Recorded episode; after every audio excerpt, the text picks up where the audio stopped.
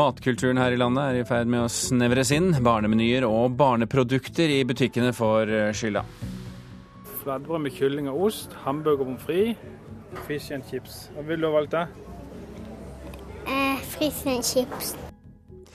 Morten Tråviks siste kunstprosjekt fra Nord-Korea er usmakelig, det mener forfatter Jon Færseth. Og det å jobbe som frivillig på festival er en fin måte å komme inn i arbeidslivet på. Norske sommerfestivaler ville dessuten ikke klart seg uten gratis arbeidskraft. Dette er saker i Kulturnytt i dag, og vi begynner med matkulturen, som her i landet er i ferd med å snevres inn. Barnemenyer og barneprodukter i butikkene får skylda. Det mener i hvert fall matforsker Anniken Bugge. Mens listen over nei-mat øker blant nordmenn, tilbyr fortsatt flere restauranter spesialtilpassede menyer for den oppvoksende generasjonen. Skulle først et eh, vestlig band spille i Nord-Korea, så var det mer naturlig at det ble Laibach enn at det ble Rolling Stones f.eks. Han er snart premiereklar. Morten Tråvik har brukt det siste året på arbeidet med en dokumentar om det som skjedde da han tok med seg det slovenske rockebandet Laibach til Nord-Korea. Konserten vakte stor internasjonal oppmerksomhet, for rockebandet Laibach er kjent for å entre scenen med et tydelig totalitært uttrykk. Life.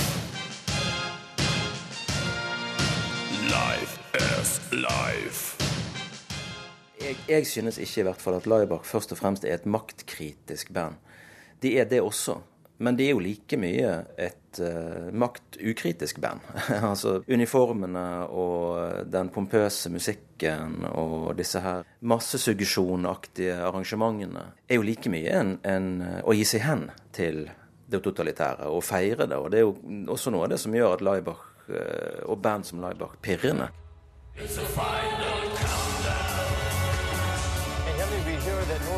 Meningene har vært mange om hvorfor bandet valgte å spille i Nord-Korea. One of the main objections why we went there is simply because of all these allegations and uh, På telefonen fra Slovenia forteller bandmedlem Ivan Novak at konserten bl.a. var ment som et forsøk på å tilnærme seg det lukkede landet og vise den vestlige verden at det går an å motarbeide vestlige fordommer mot regimet prefer to produce enemies in the third world to justify their own position.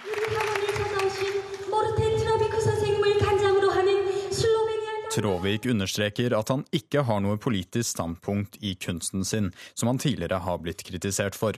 Men når han nå lager film om den omstridte konserten, kommer kritikken fram på ny. Det er ikke menneskene i Nord-Korea som ser denne forestillingen, som er det egentlige publikummet her. Det er oss. Det forteller forfatter Jon Færseth, som sier at kunstprosjektet var et PR-stunt som ikke var ment for et nordkoreansk publikum. Vi ser Laibach spille i Nord-Korea, og så får vi en, eh, og syns det er skikkelig crazy, og så får vi en litt spennende debatt om dette etterpå. Om kunstens rolle og osv. Dette er et fullstendig lukket land. Dette er et land hvor man ikke har uh, særlig kjennskap til vestlig populære utgang i utgangspunktet. Og spesielt ikke noe som er en såpass populærkulturell kritikk som det Laibach driver med. Hva, Nordkorea, hva det nordkoreanske publikummet fikk ut av eller ikke fikk ut av eh, konserten, det tror jeg verken Færseth eller jeg er så skikket til å kunne bedømme, egentlig.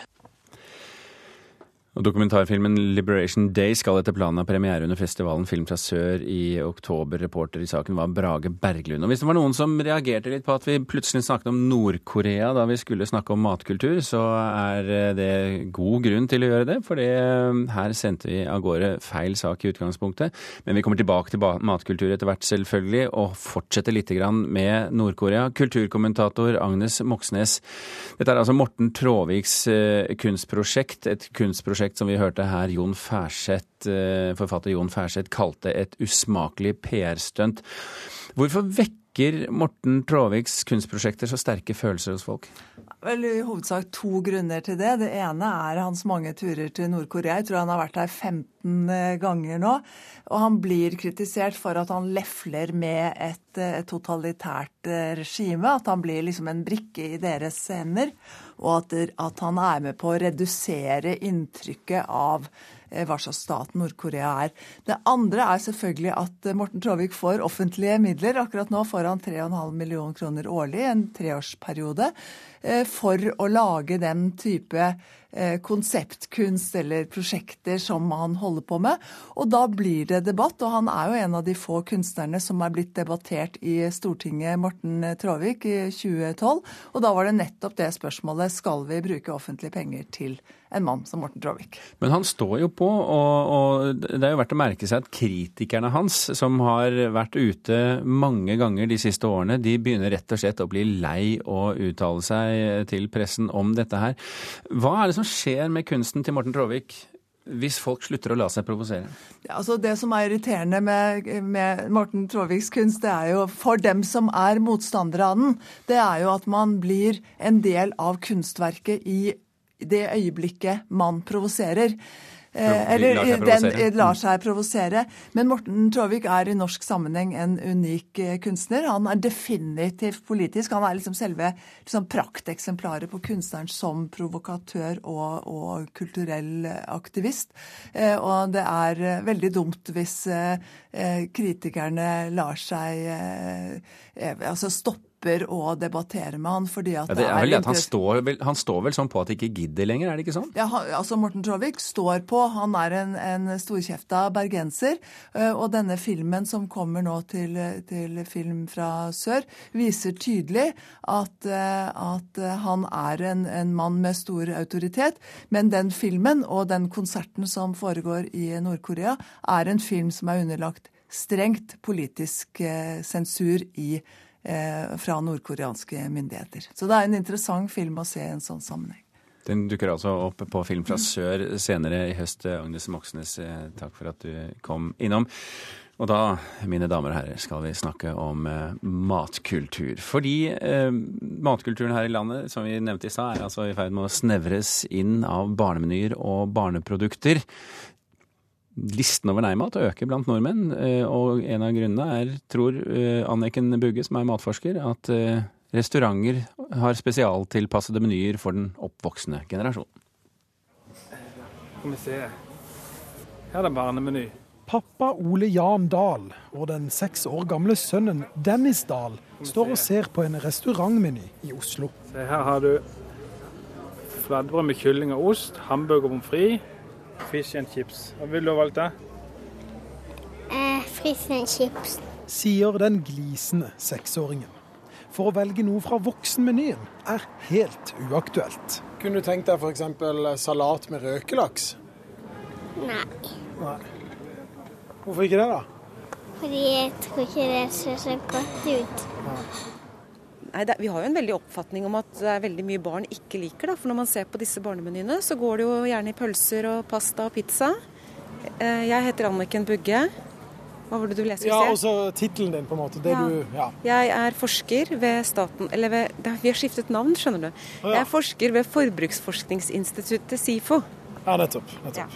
Bugge mener barnemenyer på restauranter gjør at barna blir mer kresne fordi man i så liten grad eksponerer barna for nye, spennende matvarer og ingredienser og smaker. For vi blir bare mer og mer kresne. Gjennom de siste 10-15 årene så ser man at det er listen over nei-mat, og det gjelder også barn, den blir bare stadig lengre. Og det angår også stadig flere ordinære ingredienser og matvarer i det norske kostholdet. Vi ringer Raiko Mink, som er administrerende direktør i den store familierestauranten TGI Fridays. Dere er en restaurant som tilbyr barnemenyer. Hvorfor gjør dere det? For spesielt pga. størrelsene, slik at barn får tilrettelagte størrelser.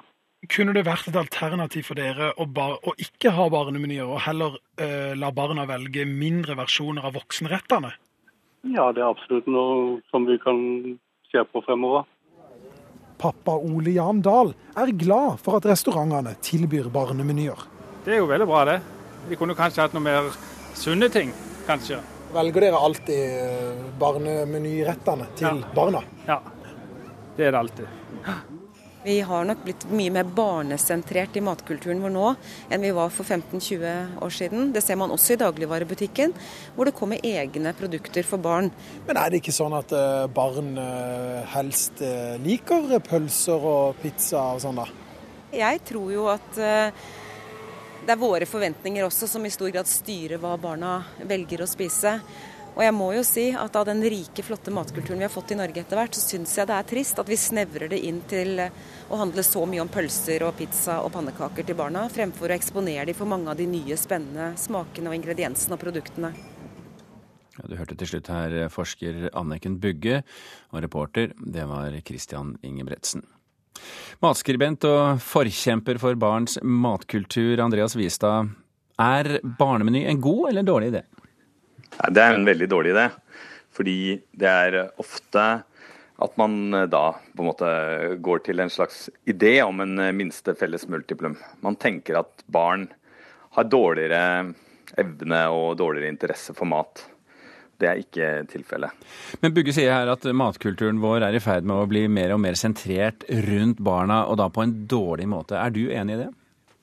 Jeg mener vel egentlig nesten det motsatte. Jeg er delvis enig i henne i analysen, men konklusjonen Jeg tenker at eh, vår matkultur er i ferd med å snevres inn. Eh, og den er i ferd med å bli på en måte eh, voksensentrert, i den forstand at veldig mange, både barn og voksne, spiser dårlig gjennom hele uka. Og så skal de voksne kose seg med spesiell mat i helgen og middagsselskaper osv. Men det er, eh, det er der på en måte man dyrker den gode smaken, men da inviterer man ofte ikke barna til. Eh, og Da sier man heller at eh, barna skal få, få junkfood først, og så skal de voksne kose seg med middagsselskap etterpå. Som om barna er dårligere i stand til å vurdere og sette pris på god mat. Du driver altså dette Geitmyra matkultursenter, som er en stiftelse eh, som driver undervisning og kursing i det å lære barn å like mer forskjellig type mat. Hvor går grensene for hva barn kan lære seg å like? Du vet hva, Det har vi ikke funnet ut ennå. fordi eh, vi, eh, vi oppdager at eh, barn syns at mat er veldig spennende. Og hvis de på en måte blir invitert med og får en aktiv rolle både i forhold til matlagingen, men fascinasjonen for maten, så er det nesten ingen grense for hva barn vil spise. Med ett forbehold, vel å merke, nemlig at det smaker godt. Men vi hører jo her eh, eh Anniken Bugge si at nei-matlisten øker for hvert år. Hva er det da som gjør at vi blir et mer kresent matsamfunn? Jeg tror mye av skylda, i forhold til barn i hvert fall, ligger på foreldrene. Fordi vi ser ofte når vi har arrangementer på Geitmyra, at, eh, at, eh, hvor vi prøver å ha eh, spennende aktiviteter knyttet til mat, så ser vi av og til at foreldre kommer foran oss og sier nei, vesle Tobias liker ikke dette. Som om som om de på en måte tar med seg den kampen de kanskje har hatt over middagsbordet, og, og viderefører den i en sånn sammenheng. Men når eh, lille Tobias eller Salima eller, eller, Anna får lov til å smake selv, så syns de ofte at det smaker kjempegodt, og de er ofte mye modigere enn det foreldrene tror de er. Andreas Wissa, takk for at du var med i Kulturnytt.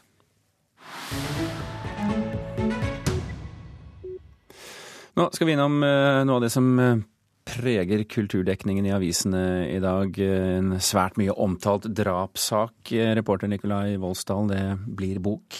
Det blir bok, eh, og det er forfatter Ole Christian Ellingsen som nå står eh, bak den. Eh, det er romanen 'Endetid' om Miriam som utsettes for samme skjebne som Martine Magnussen i 2008. Dette skjer som et resultat av at Ellingsen har hatt mange samtaler da med faren til Martine Magnussen, Odd Petter Magnussen, i etterkant av drapet på henne. Um, og han føler at en slik bok er særlig viktig altså Magnussen føler at en slik bok er særlig viktig fordi den tar opp sorgen og utfordringen en familie står overfor når noe slikt skjer. Og han sier at boka da har hatt en helende effekt eh, på han, så han er veldig positiv da, til, til denne boka. Vi kan bevege oss til noe eh, langt lystigere, nemlig stuntet NRKs egen OL-reporter Nicolay Ramm gjorde i Rio i går. Det har blitt en eh, hit på internett. det har blitt en stor hit, faktisk. Det var en på en pressekonferanse hvor da Ram bestemte seg for å uttrykke hvor glad han er i Bolt, og begynner å synge for han. Og dette, begynner, dette gjør at Bolt da Um, samt resten av pressekorpset blir ekstatiske. Uh, og det gjorde at da også at idrettsstjerna måtte filme dette for sine Snapchat-følgere. Vi kan egentlig bare høre hvordan det gikk her. Uh, my name is uh, Nikolai Ram. I'm from Norway. And uh, I don't really have a question. I just want to say I uh, uh. And so I just want to say, you sing both. You're my favorite guy. I'm loving your moves and your feet and your style. Okay, thank you. come on ten seconds sasha I hope that you'll win. I hope it's your day. I hope you will go even though you get hit by a Segway. Yay! Thank you. Klokken har passert 18 minutter over åtte. Du hører på Kulturnytt, og dette er toppsaken i Nyhetsmorgen nå. Antibiotikaresistente bakterier rammer flere av oss, rapporterer norske sykehus. Ingen flere blir tiltalt etter brannen på Scandinavian Star i 1990. Politiet avslutter etterforskningen som ble tatt opp igjen for to år siden, skriver VG. Og flere meddommere ønsker å trekke seg etter voldtektssaken i Hemsedal, fordi meddommere etterpå ble omtalt med bilde og personalia på sosiale medier. Uten frivillig arbeidskraft hadde mange festivaler slitt i sommer. Festival-Norge baserer seg nemlig på hjelpen fra frivillig ungdom. Men det er ikke bare festivalene som tjener på tjenestebytte. Også for de frivillige kan festivalsommeren gi verdifull arbeidserfaring og være et springbrett eh, inn i yrkeslivet. Jeg syns det er kjempemorsomt. Jeg liker jo veldig godt å jobbe frivillig. Og det å jobbe frivillig med en spisskompetanse på mediefag, det syns jeg er uh, veldig artig. Det sier Ole Henrik Bach. Han er frivillig arbeider under Notodden Bluesfestival, der han er med å produsere flerkameraproduksjonen på hovedscenen til festivalen. Til vanlig studerer han, men den erfaringa han får ved å være med på videoproduksjon på bluesfestivalen, er ikke like lett å få andre plasser. Nei, det, det, er ikke ofte man får eh, det, altså. Det er, eh, vi har hatt noe undervisning på skolen, eh, men ellers så får man ikke gjort så stor skala som det er, utenom å være i praksisplass på et ordentlig flerkamerateam. Bach er en av mange frivillige som er med å produsere storskjermproduksjonen under festivalen. Eirik Sauerlia er en av initiativtakerne til produksjonen, og han sier at de får inn mange ungdommer med interesse for mediefag. Vi er studenter og elever fra ja, eh, høyskoler og videregående og ja, litt forskjellige. Men alt sammen er frivillig, og det er dugnad alt sammen. Og så får vi med litt yngre folk som skal prøve seg å lære og sånn, da. Ungdommer som jobber frivillig på festivalen er et velkjent fenomen. Tusenvis av ungdommer jobber frivillig på festivaler rundt om i Norge hvert år. Frivilligansvarlig på Øyafestivalen, som åpner i dag, Anders Tangen, sier at de frivillige på festivalen er uvurderlige. Den, den innsatsen som de frivillige legger ned hos oss, den uh, betyr alt. Uh, uh, de er jo liksom ryggraden og, og, på mange måter sjelen i festivalen. det er klart, Uten de frivillige så så har det, aldri nok blitt en ganske, ja, for min personlige mening, en ganske kjedelig og tam festival. Så de, de, de, betyr jo alt for oss. Tangen sier også at for mange unge er frivillig arbeid et springbrett inn i arbeidslivet. Veldig mange unge eh, bruker jo det her som et eh, springbrett videre inn i bransjen. Eh, mange, den, den erfaringa de får, tar de jo med seg videre inn i, inn i andre jobber. Og Veldig mange ønsker å ha attest. Og, så det er klart, vi, vi, vi gir jo 2600 stykker mulighet til en, en, veldig fin erfaring. da, En jobberfaring. Og For mange så er det kanskje første gangen de har vært i jobb òg. På bluesfestivalen merker de også at kompetansen til de frivillige blir bedre for hvert år som går. Det har vært veldig stor progresjon de siste åra. Det er veldig, veldig, gøy å se. Og er, da er det veldig givende å bli med på det òg. Eh, og det er liksom der kvaliteten blir høyere og høyere for hvert år. og det er fortsatt liksom samme dugnadsgjengen. da. Noen utskiftninger blir det selvfølgelig, men eh, det er i hvert fall fryktelig gøy å være med på. Så det er jo bare moro, det å skifte ut litt, og alle, så mange får prøve seg. Reporter her Anne Langvik og Martin eh, Torstveit. Jonas Prangerød, informasjonsansvarlig for Øyafestivalen. Har dere nå fått alle de frivillige dere skal ha ja, det er mange, flere hundre som har vært i gang nå um, under oppriggsperioden. Og så kommer det, kommer det, nye krefter til under festivalen, og så er det de som skal rydde vekk igjen etterpå. Så til sammen så er det, som vi hørte litt tidligere, ca. 2500 som eh, er i sving. Hva er det høyest status å være frivillig for? Nei, altså jeg tror det varierer litt med hva slags interesse man har. Um, I mitt team så er det noen som følger opp press og, og hjelper til der. Noen som driver med publikumsinformasjon i infobord og sånt. Og, um, en del av de som velger å jobbe i de gruppene jeg eh, har kontakt med, de, de har jo interesse for informasjonsarbeid. Mm. Um, så det varierer litt hva man har lyst til. Vi har folk som har har både fått jobb i andre festivaler, og vår egen sjøl starta jeg som frivillig på opprigg for 15 år siden. Uh, Yr.no, er det en populær uh, nettsted for deg for tiden?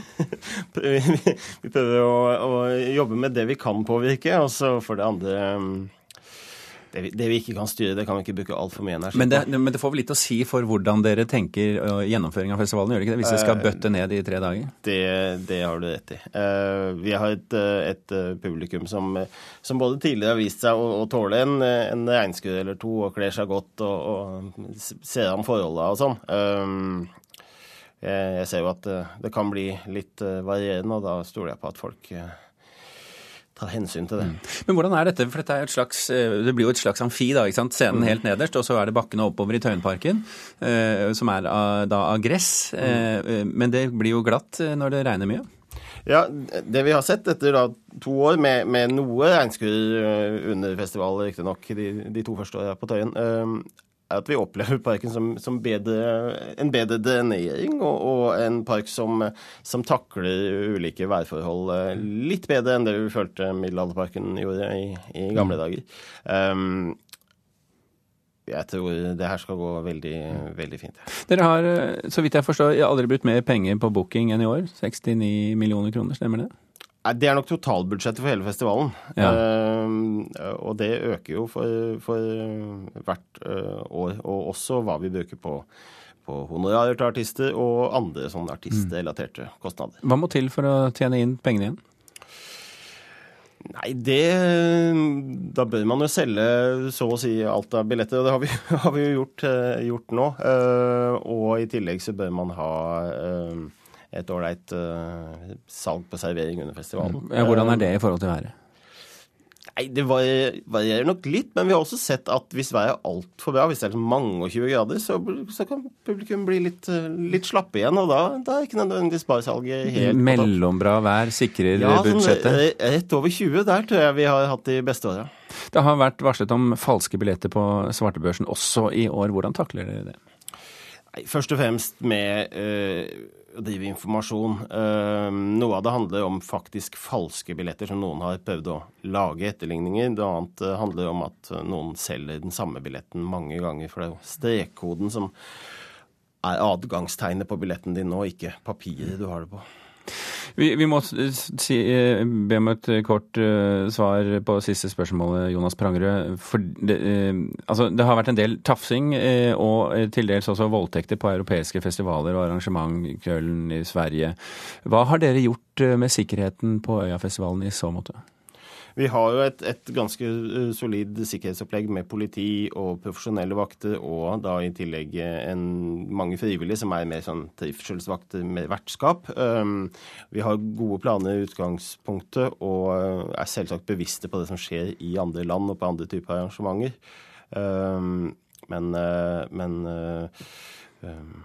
er, er, er, Blir du skremt? Jeg syns det er veldig, veldig uhyggelig at, at, folk har opplevd sånt på festival i, i sommer. Ja, det syns jeg. Så vi tar det absolutt på alvor. Vi krysser fingre og håper på det beste, både når det gjelder regn og, og, og andre ting på Øyafestivalen. Jonas Prangerud, takk for at du kom til Kulturnytt. Takk.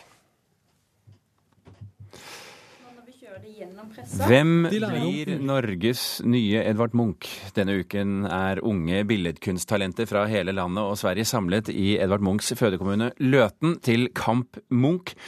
Nye, eller Camp Munch er det vel heller. Den eh, nyetablerte kunstleiren skal gi unge kunstinteresserte et høyt faglig undervisningstilbud i kunst.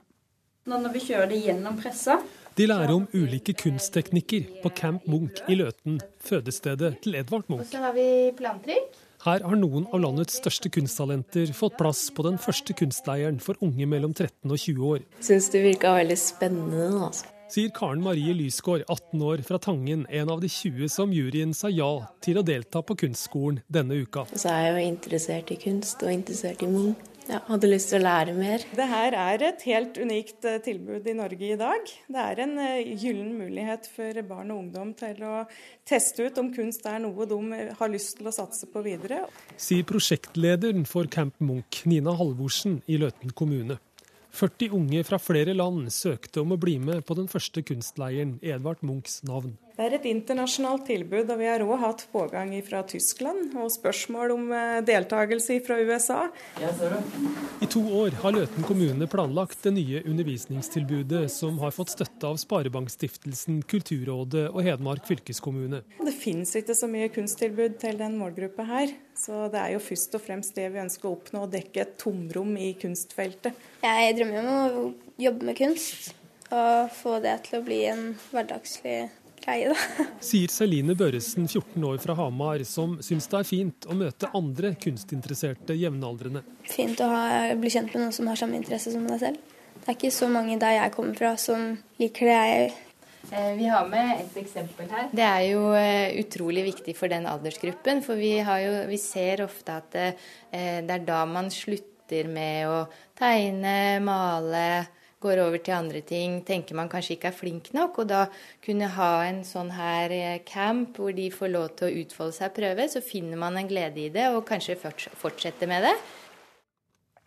Ja, Du hørte til slutt her kunstfaglig rådgiver Nina Molven. Resultatet av Camp Munch skal stilles ut på Klevefoss i Løten førstkommende lørdag. Reporter her, det var Stein Eide. Vi begynner å nærme oss slutten her i Kulturnytt, men rekker å ta med at uh, spillgründeren Håkon Bertheussen, som står bak den uh, populære ordspillappen Wordfeud, på fire år har han klart å få et driftsoverskudd på nærmere 100 millioner kroner. Det skriver Dagens Næringsliv i dag. Spillet, som ligner på Scrabble, er særlig stort i Nederland og Skandinavia, og skaperen forteller at i tillegg til å holde antall uh, spillere stabilt, så kommer det stadig flere flere inn. Og dermed runder vi av her i Kulturnytt. I dag har du hørt at matkulturen i landet er i ferd med å snevres inn. Det er voksne som nyter de gode smakene, ikke barn. Det hørte vi.